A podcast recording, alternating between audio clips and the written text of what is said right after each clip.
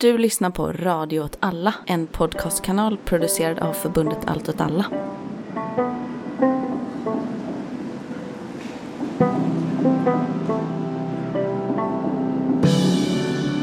Hej och eh, välkomna till det tionde avsnittet av Mina drömmars stad. En eh, podcast om Stockholms lokalpolitik. Jag heter Kalle. Eh, Med mig idag har jag Anna Mm, hej. och Mikael. är Hej, hej. Hej, hej. hej, hej. Ja. Idag ska vi prata om... eh, Ja, vad ska vi prata om idag? Mm, ja, men senaste avsnittet vi spelade in i så dagarna efter att eh, lokförarna på pendeln hade avslutat den vilda strejken. Eh, och att vi hade hållit en stödkväll för dem. Så i vårt förra avsnitt så kunde man höra lokförarna Moa och Nils eh, bland annat prata om organisering och eh, organisering av vilda strejker. Och dagens avsnitt blir lite av en uppföljare till det kanske. Eh, vi kommer snacka om vad som hänt sedan eh, dess med Sekos strejkvarsel eh, och vart det landade, den historien. Men vi ska också prata lite bredare om kollektivtrafik och också ha lite mer bara nyheter från senaste månaden i Stockholm. Typ. Låter det bra? Det låter bra. Ska jag göra vårt lilla nyhetssvep här först? Ja, men det har ju varit tufft med budgeten för skolorna i landet och eh, även i Stockholm då. Och det är på grund av, alltså, varför är det så? Varför är det Jag så blev här? nu, bara fan varför? Men det är, de har fått så lite pengar. De har Eller, fått för lite och det pengar i, och i, i regeringens budget. Så kompenserade man då inte för inflationen när man gav pengar Just till eh, regioner och kommuner. Tre- 13 miljarder, tror 13 jag, miljarder i, i. Region Stockholm. Ja, eh, ja. mm, och just det. eh, Ja. lärarna var ute i demonstrerade för några helg, någon helg sedan och så. Mm. Det var ingen av oss som var med på den demon tror jag. Nej, jag hör, men jag hörde att det var väldigt mycket folk. Eh, ja, men de har fått 100 miljoner extra då här i Stockholm. Ehm, och också att där eh, på skolor där elevantalet minskar, eftersom att liksom, barnkullarna är ju lite olika stora, olika år. Eh, eller att folk bara inte vill gå i den skolan kanske. Ja, men på de skolor där elevantalet minskar, då får man gå med underskott då, i Stockholms stad. Eh, att man säger Mm. att det är okej att göra det eh, nu. Så det är någonting de har fått igenom. Eh, men Det saknas fortfarande mycket pengar. Om man ska liksom vara sån. Så att det väntar väl fortfarande ändå en del nedskärningar kan man gissa. Men ja, du sa... men precis, det har ju redan börjat. Ja, det är redan börjat, ja. Typ alla skolor. Mm. Men vår andra eh, nyhetspunkt här då är ju, handlar ju om, vill du läsa den Kalle? Kanske bara, ska bolla över till mig. Ja, Det är något som du har varit väldigt engagerad i. Eh, ja, vi, vi började ju den här podden för ett år sedan ungefär. Eh, och då pratade jag mig varm om det här med att hyra elcyklar kommunalt. Eh, och var så fan av Daniel Höldén eller någonting. Sen så har jag liksom blivit desillusionerad det senaste året. Jag har tappat, tappat tron. Så det har ju varit ett totalt liksom haveri med det här systemet för att hyra ut elcyklar i stan. Eh, vi har pratat om det vid flera tillfällen. Eh, och eh, senast var då att eh, för någon dryg månad sedan så eh, föll liksom ramen på en av de här cyklarna ihop och en person skadade sig. Så de liksom drog in hela systemet och efter det så upptäckte de liksom, eh, ja, men produktionsfel. Och att det skulle liksom eh, ta ja, men typ ett helt år för dem att eh, få ut systemet igen. Eh, för att de behöver hitta en helt ny produkt, alltså en helt ny partner i, för produktionen då. Eh, så nu till slut, efter många om och men, så har de eh, då valt att avsluta eh, det här, eller säga upp avtalet med då företaget som var, eh, drev det här åt staden. Ja. Stockholm e-bikes. Stockholm e-bikes, ja. Mm. det är ju som med destruktiva förhållanden, att det kan ta ett tag, liksom att släppa Mm. taget. Eh, de, eh, Precis. nu till slut så har de... till slut. eh, Dennis Wedin från Moderaterna har stått och skrikit sig hes i kommunfullmäktige över hur mycket han hatar det här. Och han kanske hade på sätt och vis rätt, fast han är också... Fast han är ju Dennis Wedin. så ja, precis. Mm. Mm. Ja. Nej, men alltså, jag tycker ändå det, det är lite sorgligt för att typ ungefär en månad sedan, kanske två, det är först då man sig bara, ah, men det här, nu börjar man se folk cykla på dem. det finns lite cyklar här och där.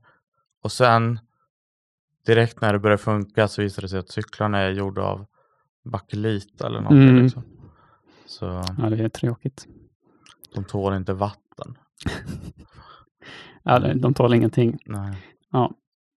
Men vi, ja, så vi säger tack och hej till Stockholm E-bikes och eh, vi får se om det om fem år till så kanske vi kan testa det här igen. Fast Mm. utan dåliga upphandlingar.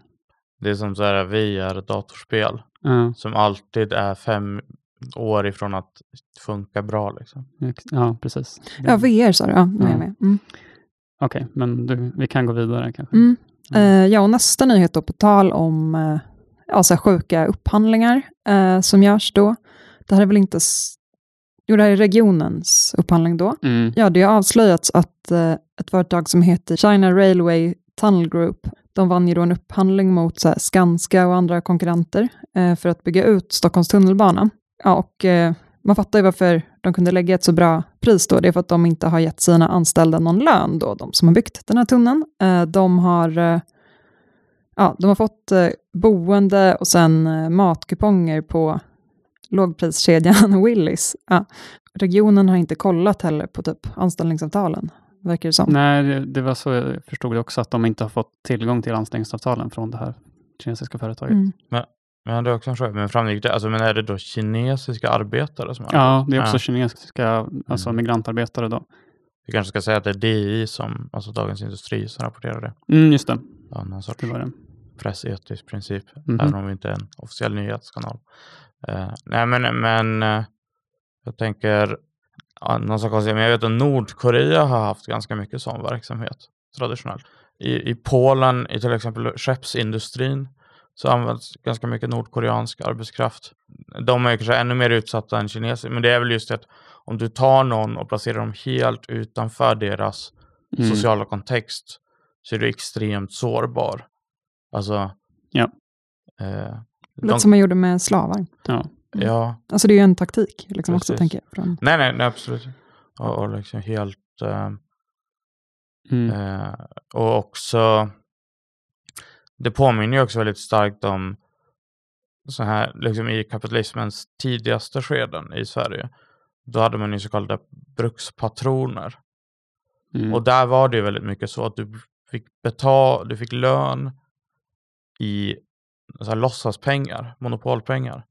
Som du endast kunde använda för att betala i affären som eh, patronen ägde. Ja. Och du var tvungen att bo i patronens hyresbostäder eftersom det var väldigt långt ifrån någon annanstans. Och det här känns ju som någon sorts senmodern supervariant av exakt samma system. Jo, jo, men precis, man blir verkligen så livegen till sin Mm. Arbetsköpare. men är det någon som vet, alltså jag förstår inte varför regionen inte bara kickar ut av företaget på en gång. Verkar nej, men de säger, det precis, de bara säger att det inte går. Men jag tänker att man, alltså det som de sa till exempel med nu när de äntligen sa upp den här upphandlingen med Stockholm E-bikes var väl att de liksom, det de liksom då sa utåt var att, ja, men, att de eh, suttit med sina jurister och liksom, du vet att man verkligen ska ha allt på det klara så att man vet att när man väl säger upp det så kan man inte liksom bli typ skyldig företaget som man kickar ut massa pengar och sådana saker. Alltså här, knepig juridik skulle jag säga är svaret. Uh, så ja, det är min gissning. Uh, ja, men det är nog inte så mycket mer att säga om det. Eh, nej, men sen som jag tror att alla har hört, eh, så eh, MTR är ju, eh, de har gått ut med regionen att man inte kommer förlänga avtalet med eh, MTR då, eh, om att köra eh, spårtrafiken i Stockholm. Eh, men grejen är att de är ju kvar då till 2026, eller Ja. hur? Eh, men efter det så kan de ju vara med och tävla i en ny upphandling, så det är så här, ah, men vi förlänger inte, men de får liksom vara med eh, igen då, liksom att lägga bud och så. Men i samband med det så har ju också ja, typ Vänsterpartiet har väl kommit med det här förslaget om att man ska ta över driften av eh, spårtrafiken i så här, egen regi, som man kallar det. Just för att ha större kontroll själva över kollektivtrafiken. Det är väl inte ett orimligt eh, förslag. Eh, det krävs ju ganska mycket, tänker jag, alltså från regionens sida att bygga upp den strukturen, att kunna köra tåg själva, men, eh, men det är ju absolut inte något omöjligt. Till exempel i Hongkong, där MTR kommer ifrån, så är ju MTR just det statliga eller kommunala Just det. sak samma vad heter det, eh, kollektivtrafikbolaget. Eh, ja, sen är det ju så att eh, regionen har eh, pressad ekonomi. Eh, ja, då. Och ja, då väljer man ju att eh, skära ner på kollektivtrafik. Då. Eh, ja. Eller så det är ju lite så här att de ska bygga tunnelbana och sånt där. De pratar mycket om det. Eh, men de har ju samtidigt nu eh, de har skurit ner på eh, 21 busslinjer då, för att spara pengar eh, och så.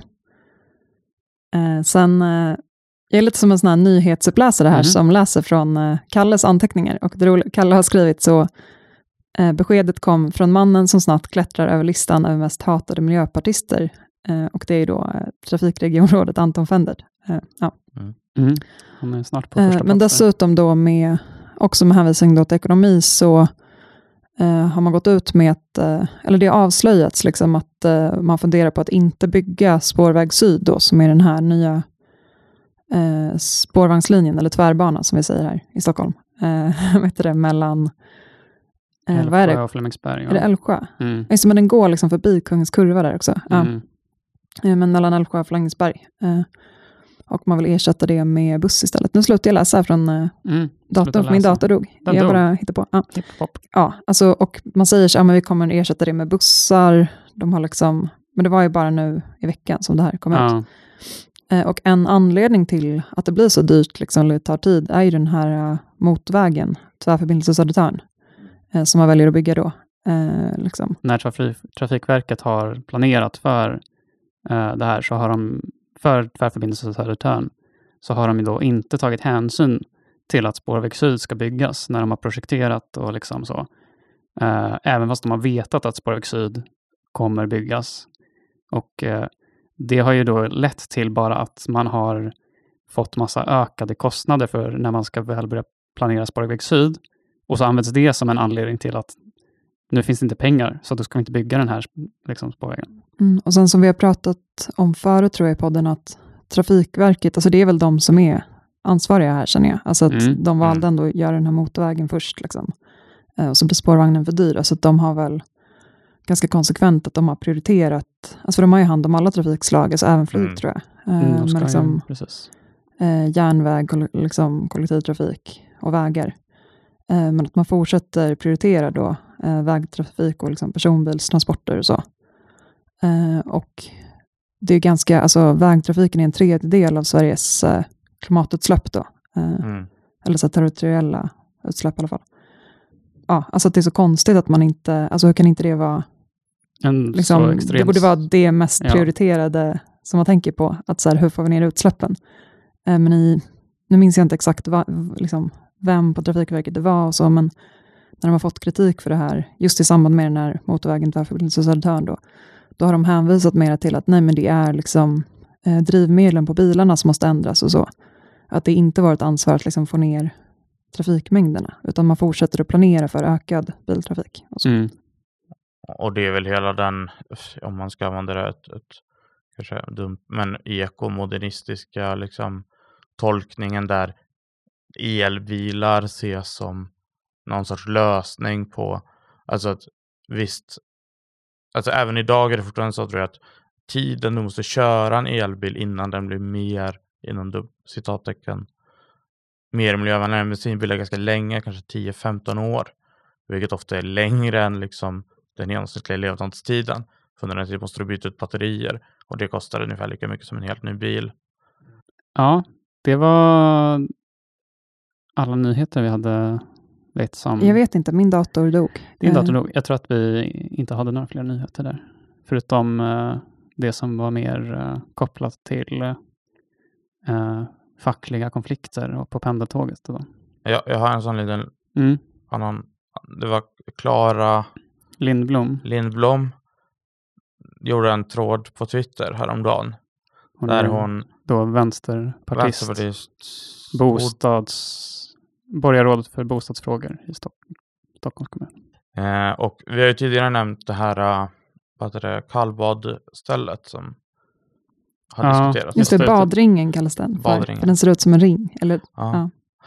ja okej. ja. Eh, och, eh, då, och den blev nekad på grund av massa miljöskäl och, och hit och dit tror jag. Att bygga, Och att den är ful, tror jag. och att den är ful. Ja. Och det är en Det är ett miljöskäl. Just det, ja. Mm. Estetisk miljöskäl. Mm. Ja. Eh, men hon gjorde en tråd då där hon absolut inte anklagade Centerpartiet för korruption. Det är värt att vara, vara tydlig med det, att hon absolut inte gjorde det. Men eh, Centerpartiet är väldigt mycket för den här badringen och har orerat oerhört mycket. Och, eh, vad heter det? På engelska kallas det filibuster, alltså när man typ man drar ut på debatt, man bara håller på och stör.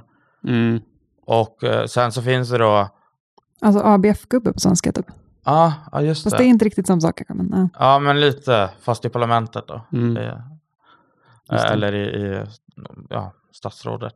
Ehm, och eh, och eh, hon visar då sen att det finns ganska många intressanta kopplingar då mellan just Centerpartiet och det här företaget som vill bygga den här grejen. Mm. Men det är absolut inte korruption, är det värt Nej, nej. att tänka på. Så, Sverige är inte ett korrupt land. men det, men det, det är ändå intressant att, eh, Mm. att man gör så.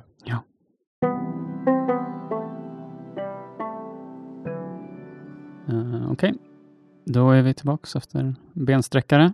Eh, och eh, jag tänkte prata lite om, ja men fortsätta på det här spåret då med vad som hänt på pendeltågen och diverse fackliga konflikter, både mot arbetsköpare och eh, mot facket. Sen vi spelade in sen sist då så har, vad har egentligen hänt? Det första som hände kanske efter att vi spelade in förra avsnittet var att eh, Seko la ju ett skyddsstopp på en, för ensamarbete på pendeltåget. Det fick ligga i några dagar innan Arbetsmiljöverket liksom hävde det. Och eh, sen efter det så har ju då Seko suttit i förhandlingar om nytt kollektivavtal med Almega eh, tågföretagen. Och ja, men det verkade som att de förhandlingarna gick jävligt trögt. Alltså förutom då de vanliga löneförhandlingarna så var det ju på bordet att man skulle ha, man hade ju liksom krav om just det här med ensamarbete och att, liksom tåg, alltså att man skulle bevara tågvärdarna. Eh, man hade också mycket om det här med att så här, lagt schema ska ligga. Att om du har schemalagt en person för någonting så kan du inte bara ändra i sista sekunden.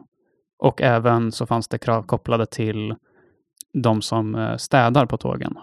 Som jag inte exakt har koll på. Vad de, men ja, bättre arbetsförhållanden för de som städade. Eller för som städar.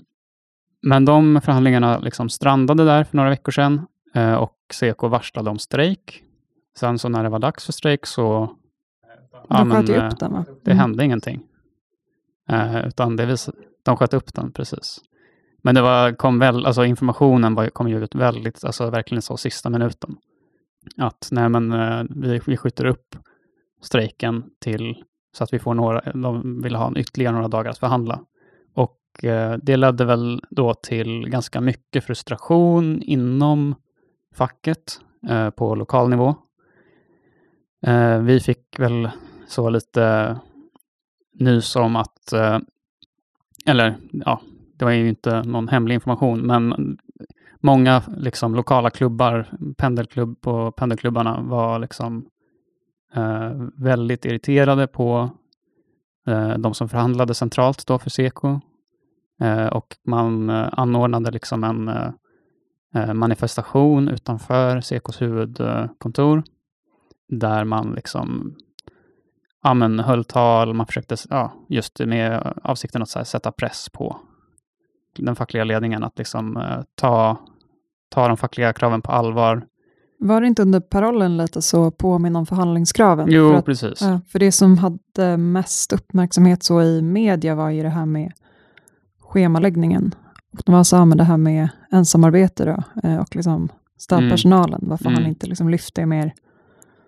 Att det inte har varit Mm. en större, precis, inte fått Mm. en större. Och då var ju, alltså facket har ju också skjutit ifrån sig lite där med och även eh, typ eh, MTR har ju sagt att så här, efter den här vilda strejken så ska vi absolut inte förhandla på de här punkterna om mensarbete, alltså som någon form av bestraffning. Liksom. Att så här, på grund av att ni gjorde det här så liksom är det här en icke-fråga typ nu, lite så. Eh, den typen av retorik har man hört. Eh, men jag var där på, under den här manifestationen också, var ute på gatan och eh, träffade bland annat då Moa och Nils som vi hade med inklippta i förra avsnittet, eh, som är lokförare. Och det var väl liksom så, ja men väldigt tydligt att det här, vad säger man, alltså, ja men bara en enorm frustration mot liksom den fackliga organisationen, att så här, man ses som väldigt liksom, på något sätt svag när man inte liksom, gör verklighet av sina krav eller av sina, liksom, det, ja, men strejkvapnet, liksom, att man inte använder det. Så det, det är en sån extremt stor förlust i förtroende för, eh, för facket när man liksom inte vågar sätta hårt mot hårt och verkligen liksom representera sina medlemmar. Så ja, det var det. Och sen så då när deadline för liksom då upp, alltså, det nya strejkvarslet då skulle börja gälla på måndagen, eh, bara några dagar därefter. Då. Eh, men då så liksom, eh, gick Seko ut med att Nej, men nu har vi nått ett avtal med eh, eh tågföretagen eh, och eh, vi avblåser strejken. Den uppgörelsen då innebär, ja, men bland, jag kan bara läsa upp punkterna här. Eh, löneökningarna är då liksom 7, 4 under en tvåårig period eh, som då märket, alltså de eh, i linje med de andra eh, kollektivavtalen eh, inom LO-samordningen.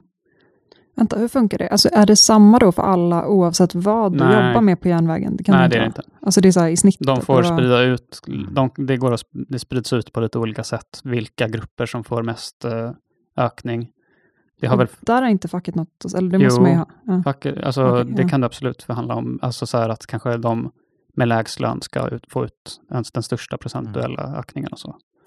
Men det Eh. verkar, ja. Men det, och det är ju jätteolika mellan de olika lokala Mm, avtalen, hur Mm. det där ser ut. Om man kan säga att 7,4 procents löneökning då motsvarar drygt under två år räk- betyder det drygt 13 procents reallöneminsk. Ja, ja men precis. Det är alltså, ju en, det är värt att tänka på det med hänsyn till absolut. en väldigt hög inflation. Eh, men ja, sen så de andra då eh, grejerna de fick igenom, de fick igenom tydlig reglering när det gäller sena schemaändringar.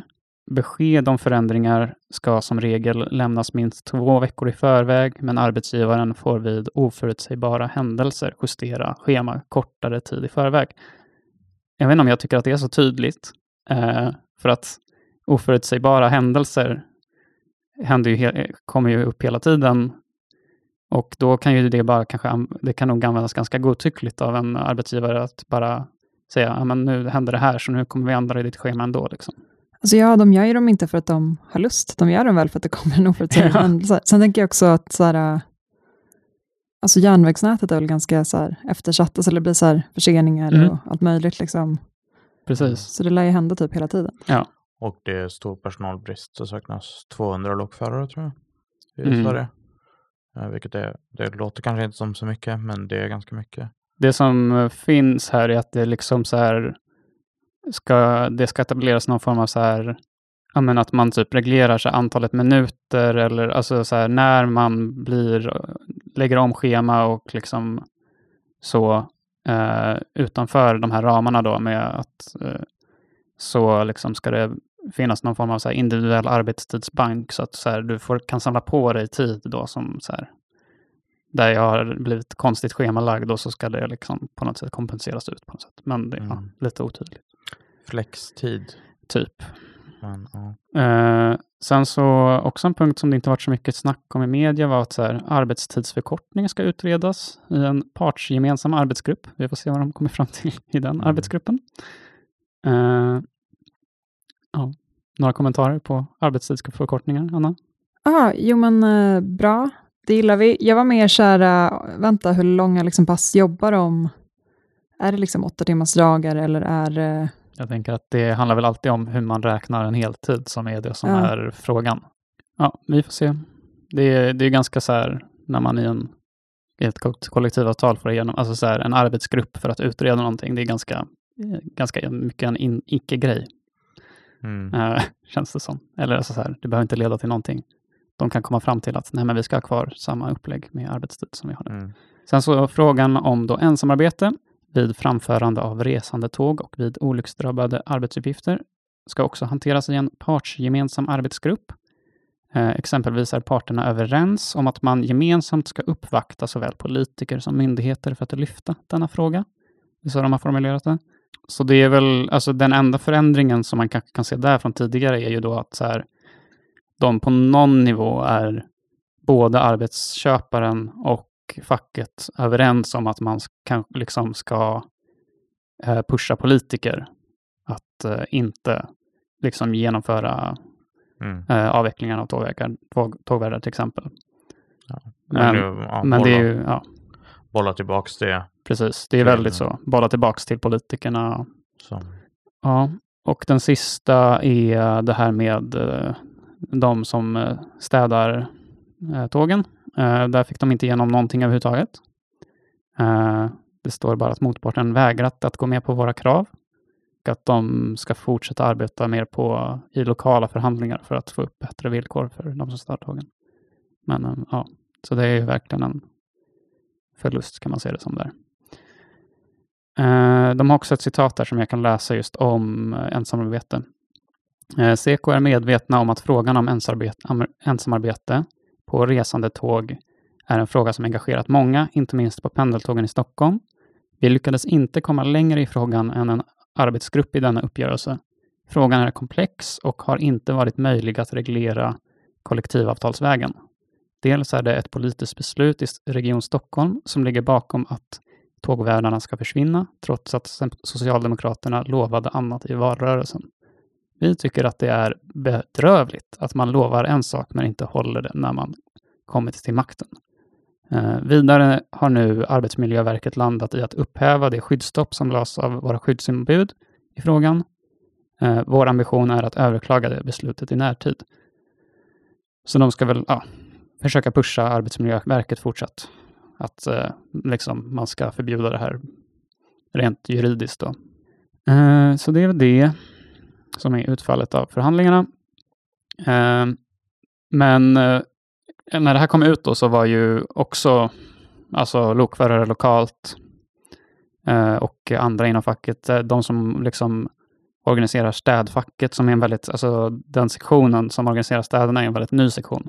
Eh, och eh, de är också alltså, extremt besvikna på att man liksom inte får ut någonting överhuvudtaget i det här. Eh, som gäller deras förhållanden. Eh, men då Nils, eh, som är en av lokförarna då, eh, som, eh, ja, som vi hade med i förra avsnittet. Han var intervjuad i Arbetet om just det här. Och eh, han säger så här att frågan är svårhanterad, men eh, han tror att facket hade kunnat nå längre. En, han, han säger citat, en arbetsgrupp är en bra början, men jag tror att man hade kunnat få ut lite mer genom att gå ut i strejk. Risken för konflikt framöver kan finnas även under den här tvååriga perioden. Och då frågar reporten, blir det fler vilda strejker framöver? Eh, då säger han, det kan finnas risk för någon form av konflikt igen. Eh, så vi får tolka det ändå som att, eh, alltså, de som har organiserat sig för det här kommer liksom inte sluta med det. Och att eh, eftersom då man känner sig sviken av facket så kommer ju då den, typ, den organiseringen ske liksom utomfackligt. I, kanske till exempel i form av då mer politiska strejker som den vilda strejken. Liksom. Så jag tänker att hela den här konflikten i Stockholm och eller hela den här LOK, den väcker hos mig en så väldigt så här syndikalistisk känsla, både i meningen att, både på, på två sätt, det är att Ja, man måste ha fackföreningar som faktiskt representerar medlemmarnas intresse. Alltså det, mm, det, det blir synligt här att CK liksom inte helt, alltså att deras anställda är ganska tydliga med vad de vill ha. Och visst, det är inte säkert att man kunde nå allt, men, men just att det är nästan viktigare att nå en överenskommelse än att få igenom kraven. mm, Det viktiga är att bevara den här svenska modellen är viktigare än att faktiskt vara en, en kämpare fackförening. Ja. Och det andra är liksom just, och så, särskilt med hänsyn mot politiker så är väl en sån, det här eh, som jag kanske annars är lite skeptisk till, men så här självförvaltning, att så om de anställda på pendeltågen, både lokförare och tågvärdar säger vi tycker inte det funkar att jobba utan eh, tågvärdar eh, och lägger fram ganska tydligt. För mig är det väldigt konstigt då att någon liksom Timbro-utbildad eh, mupp liksom ska, ska få bara vara så, haha, det behövs inte. Alltså Mm. man är så, ja men alltså vad, vad vet du? Och det var ju också en sån liten ja, skandal, kanske, men en, en grej där Anton Fendert liksom gjorde åtlöje just av tågvärdar på någon privat fest tror jag. Mm, precis. Eh, eh, och liksom som också visar på att det finns liksom noll respekt. Ja, men ex, ett här extremt äh, bara förakt Ja. mot de som liksom utför arbete åt regionen. Liksom. Och, och det är liksom samma som när en viss, jag behöver inte säga hans namn, men liksom menar att han kunde lära sig att köra tåg på två veckor. Mm. Eh, liksom gick ut med det och man blir så, nej det kan du inte. Alltså, Jag tror att det tar två år. ja det är en tvåårig. Precis, att vara, vara tunneltågförare tar tre månader heltidsutbildning. Liksom. Ja. Och då är det bara ett tågsätt på en särskild räls. Inte alla spår i hela Sverige. Liksom. Nej. Nej, men det är tydligt att så här, äh, just det här med att man, äh, LO-facken bara kör på, och som, exakt som de gör i, när det kommer till lönesättningen. Mm. Att äh, det är något, de har någon sjuk idé om att de är så här samhällsbärande och ska ha så himla mycket ansvar för samhället i stort. Och att så här, då bara man skiter i eh, sina medlemmar. Eh, och liksom att, mm, alltså bara det här att så här, en strejk, även om det inte hade fått igenom liksom snar, nödvändigtvis en bättre utkomst där man hade fått igenom mer, så åtminstone så håller det ju ihop alltså facket, att man visar för sina medlemmar att man är villig att fightas för dem. Mm. Alltså om man inte ens kan göra det så liksom, då är man ju, ja men då har man, då har man ju ingen funktion längre från liksom perspektivet av en medlem. Nej, Sjukt deppigt om de just hade, jag visste inte om att det var så, men om de just hade börjat organisera städpersonalen Ja. i samma fack som de andra järnvägarna. Att det Ja. liksom är, Mm. och så bara får inte de ut någonting. Typ. Ja men precis, alltså det är ett sånt himla svek. Liksom. Mm. Ja, det är sorgligt. Men ja, så ut och, liksom, det som kommer hända är väl bara att så här, det kommer fortsätta en liksom, så, kamp mot politikerna eh, på många olika nivåer med det här i regionen. Och, eh, men också att vi, så här, vi kommer vi, vi fortsätter i en situation med stora risker och liksom, problem på pendeltågstrafiken. De har ju inte, ingen har ju åtgärdat de faktiska problemen som finns liksom, nu med det här. Eh, så det är det som jag hade att snacka om där. Har vi någon bra sån övergång? Naturlig övergång till... eh, vi ska fortsätta prata om kollektivtrafik. Ja, nej men jag tänkte bara ta sig lite, det blir lite bara så här uh, random trivia om kollektivtrafik. Eh, mycket är hämtat från den eminenta podden, podcasten Stadens avsnitt om kollektivtrafik. Rekommenderas. Eh, rekommenderar podden i allmänhet. Eh, Vilka man- är det som gör den? Det är Håkan Forsell och heter han? Björn Hammarmark? Hammar... n- någonting i den stilen. Och, och Håkan Forsell är urbanhistoriker och den andra är eh, arkitekt, tror jag. Mm. Stadsplanerare kanske. Eh, och den, gör, de är väl en, den görs, det är väl med stöd, men ja, den är så halvt fristående, halvt med stöd av något arkitektbolag. Men, men Sveriges eh, arkitekter tror jag. Som Ja. är ju en, eh, den sjuka kombinationen av eh, eh, arbetsgivarorganisation och fackförening i ett. Aha, okej. Ja, det är spännande. Ja, de, har lagt, de har lagt upp det på det sättet, arkitekterna. Mm. Men, men jag tycker ändå eh, eventuella brister är ändå, ändå en väldigt bra podd. Ja. Eh, om man intresserar sig för städer.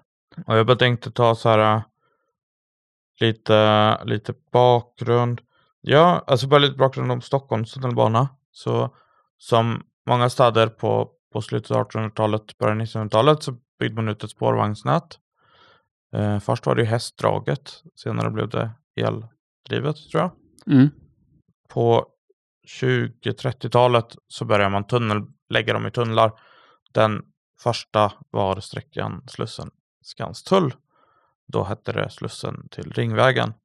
Eh, och den kan man fortfarande se, det är samma tunnel som finns på gröna linjen idag.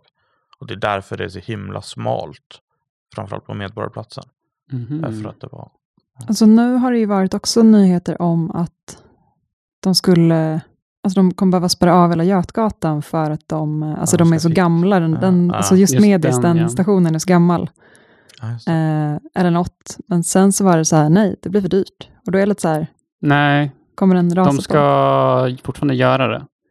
Det som är för dyrt är att de planerade att göra om liksom, Ja. Mm. gatumiljön på gatuplan också i samband med det här. Ja. När man behöver riva upp hela Götgatan så, går tänkte den- staden, för det är ju pengar Ja. från SL och regionen Ja. som ansvarar för tunnelbanan.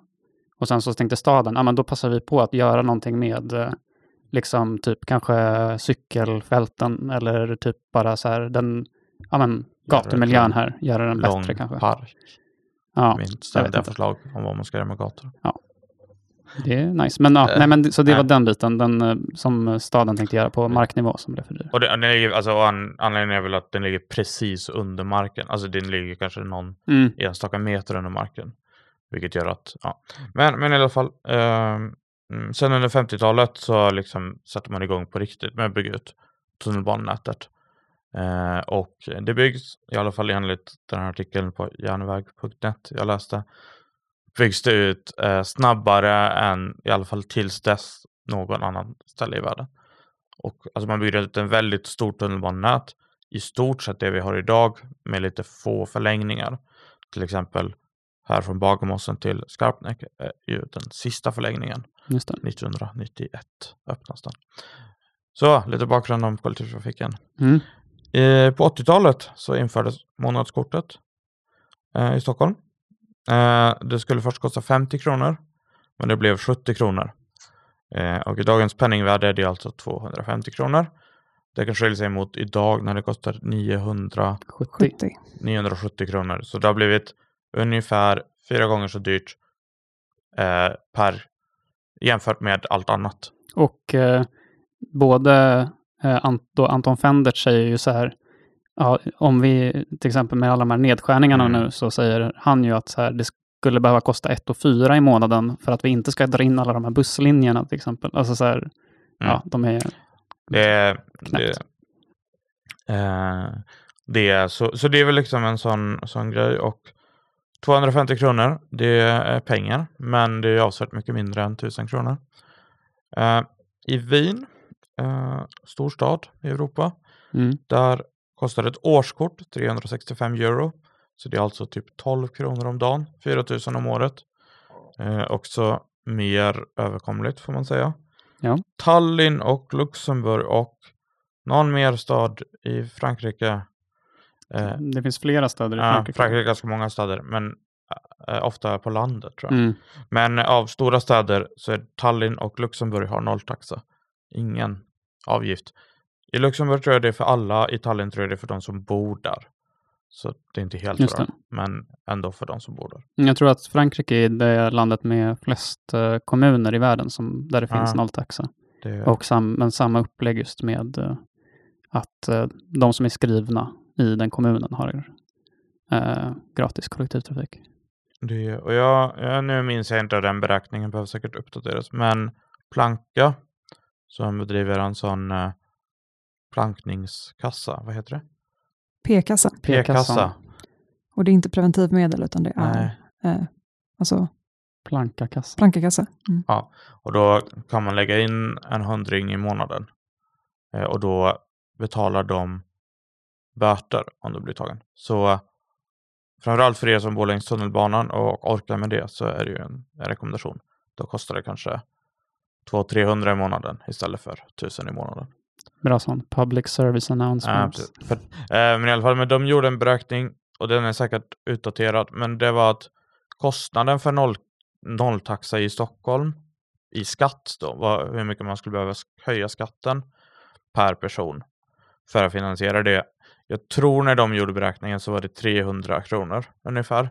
Och då räknade de både in ökat slitage, ökat antal avgångar eh, och sådana saker. Så det var inte, men, men vi kanske kan höfta dem med, eh, den här beräkningen kanske är 10 år gammal.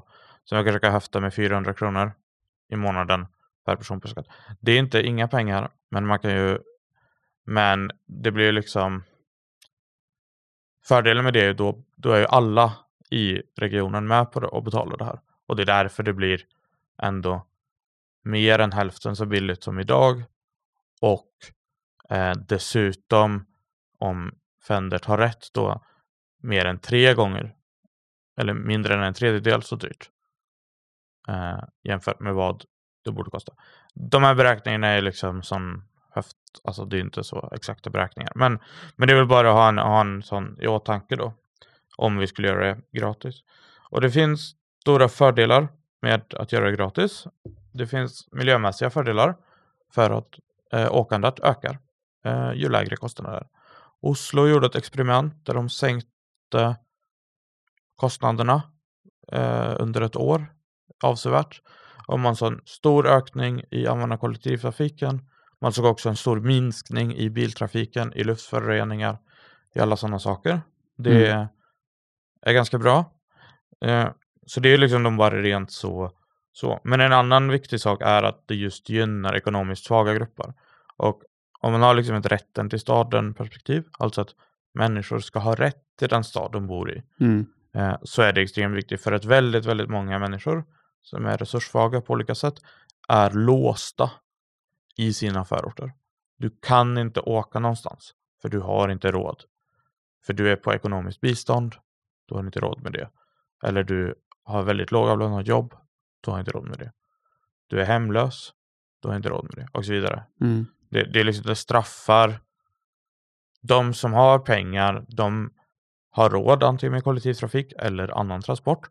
Eller så bor de så att de inte behöver använda det. De mm. bor i stadskärnan det bara, en så... grej som, får jag flika in en sak mm. där med just, uh, alltså det är väl den där, det, det blir ju bättre för resurssvaga mm. uh, grupper, men förutsatt att du har ett, alltså en kollektivtrafik som är också där tillgången rent geografiskt är jämlik eller alltså väl utbyggd. Alltså så här, i, i Stockholm kanske den är, är den ju ja, bara så här, relativt sett ganska väl fördelade, alltså även i resurssvaga områden så finns det ändå kanske en tunnelbanestation, en pendeltågstation. Mm.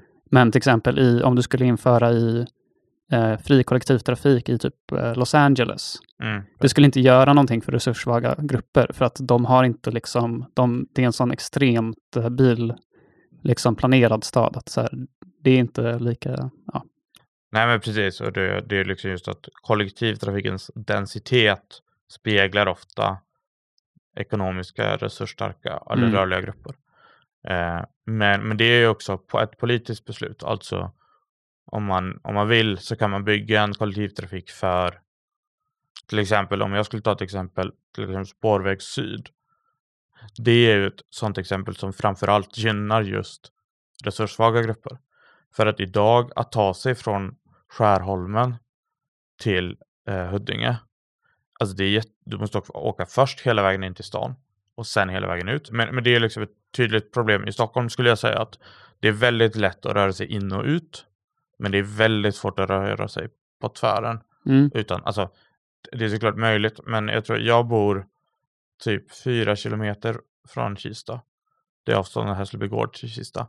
Det tar över en timme att åka med kollektivtrafik den sträckan. Mm. Även under optimala förhållanden liksom, hade jag haft en cykel så hade det tagit ja, men en kvart. Och hade jag haft bil så hade det tagit tio minuter. Eh, och det är en sån sak där det är ofta så att folk jobbar i stan och bor långt ut. Och kollektivtrafiken är byggd för att gynna det. Men man kanske umgås eller känner folk i större utsträckning som bor liksom på tvären. Mm. Eh. Kan någon googla fram den nya tunnelbanan, den här gula linjen som de kallar det och så? Mm. För då bygger mm, de ju till Nacka där är det väl lite blandat, så här, ja. vilka som bor. Ja, Det Eh, men det är synd även om de rika som bor i Nacka. eh, För det är väldigt hemskt. trist i hemskt att Nacka. bo där. Ja. Eh, nej, precis. De bygger väl också ut i rätt fina delar av Solna, va? Alltså det, ja, för de ska ju bygga till typ Solna strand och så. Jag är väldigt Ja. förvånad, för jag är så här, det känns som att, men det kanske är att det är mycket arbetsplatser där. Det ska, vi, det ska ju öppna en i Helenelund och typ Karolinska. Den hänger väl ihop där. Eller nej, inte Helenelund, vad säger jag? Haga staden. Hagastaden, ja. Helenelund är väl någon så här... Hagastaden är en sån rolig grej som bara är en byggnad har jag hört av en arkitekt. Att hela Hagastaden hänger ihop under marken. Mm, Jaha, oj. det Alltså att den är byggt ihop som så att rent planeringsmässigt så är det bara en jättestor byggnad. Jag vet inte om det stämmer, men, men en Mm. Eh, arkitekt. och, alltså där jag växte upp så var det också, alltså det är ett område som är planerat, liksom, det är byggt på så här 80-talet, Mm. 90-talet. Och där kunde man också gå alltså, mellan flera kvarter, alltså i Mm. källaren. Mm. Liksom. För jag tror Alltså det om du hittar källardörrarna kan du gå. Liksom. Mm. Det är ju på ett sätt väldigt coolt och också lite konstigt. Uh, ja, nu hittar jag den här kartan. Vad, vilka, vad undrar ni om specifikt? Gula linjen. Den gula linjen, den sträcker sig då från Arenastaden med eh, Mm. Hagalund, eh, Hagastaden och sen går den in till Odenplan Mm. och så går den genom stan ut till Farsta strand Mm. eh, men också ut till Bagarmossen. Så det blir som en... Eh, Vänta, va? ja, men, Ja. Men, men den gröna linjen är ju kvar på de sträckorna. Nej, Jo, jag tror det är så att det inte det är, blir... Hagsat, det är Hagsätra linjen som blir omgjord till Ja. den blå linjen. Ja, just det.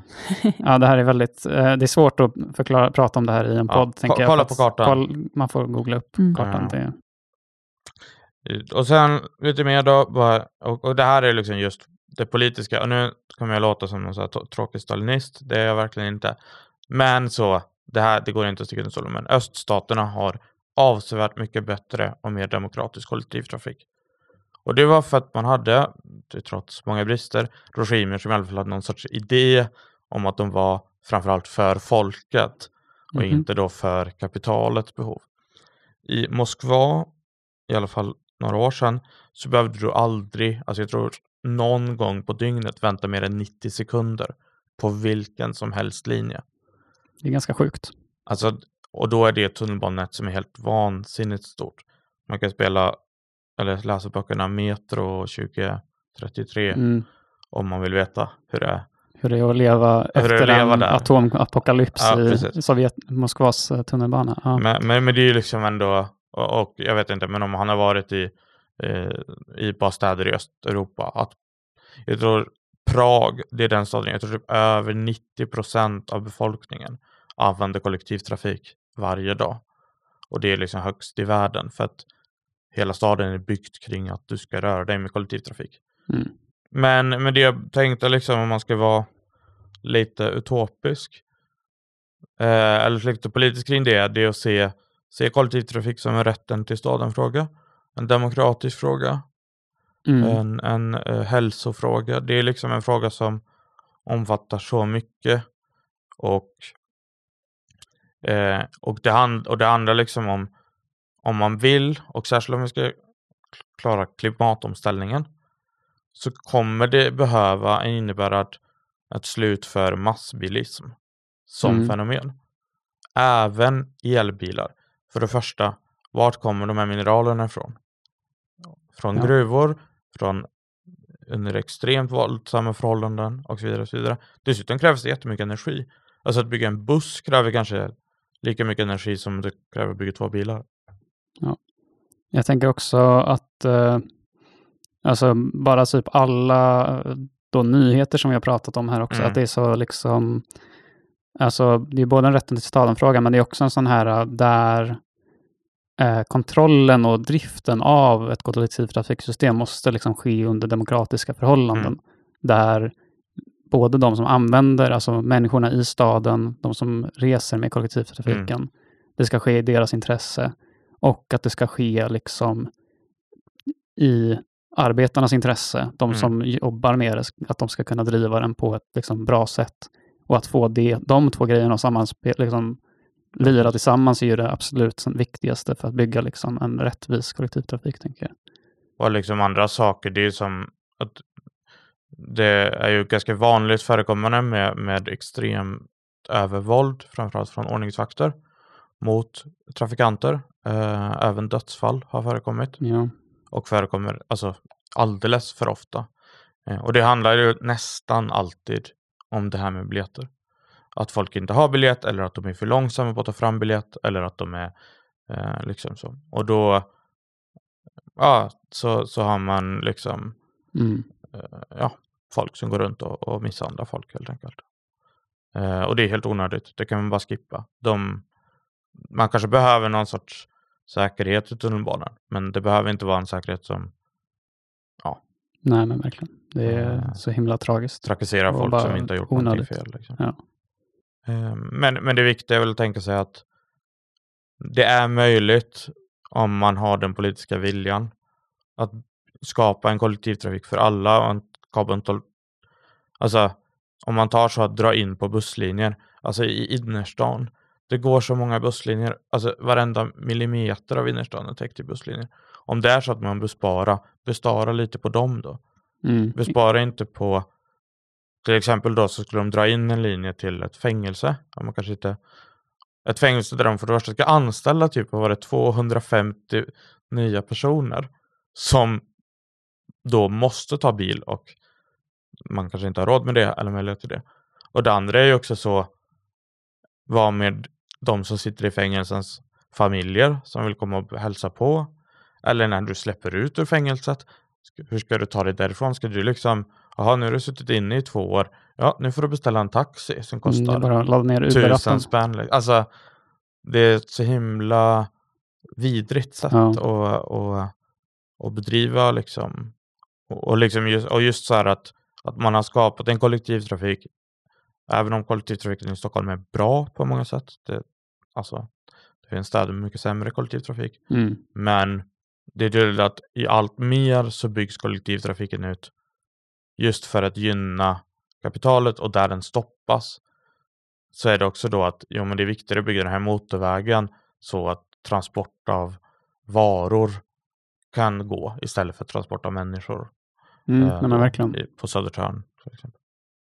Så det, det var min lilla, lilla grej att andra städer har gjort andra val och då får andra, vem var det som sa det? Mm. Ebba Busch Thor.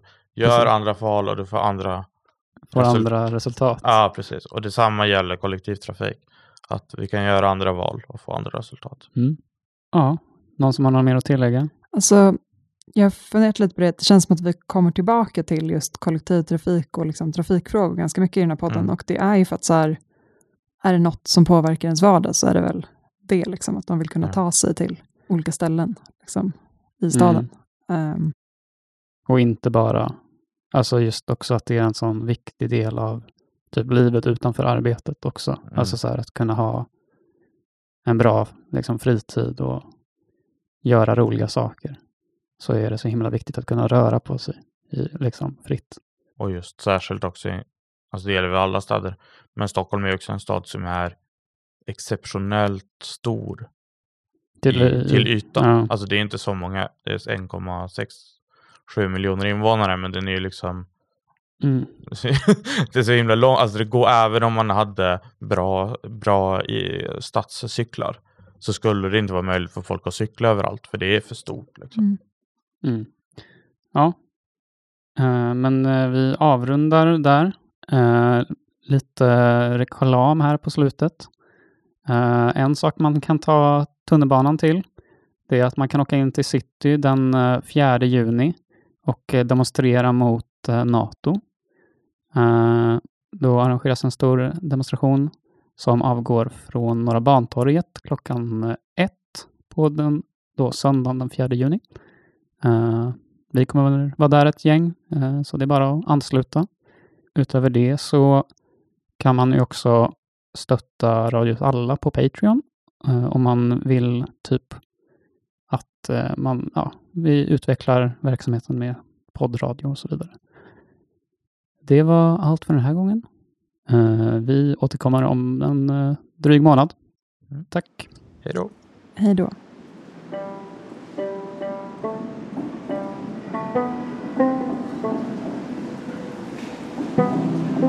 Thank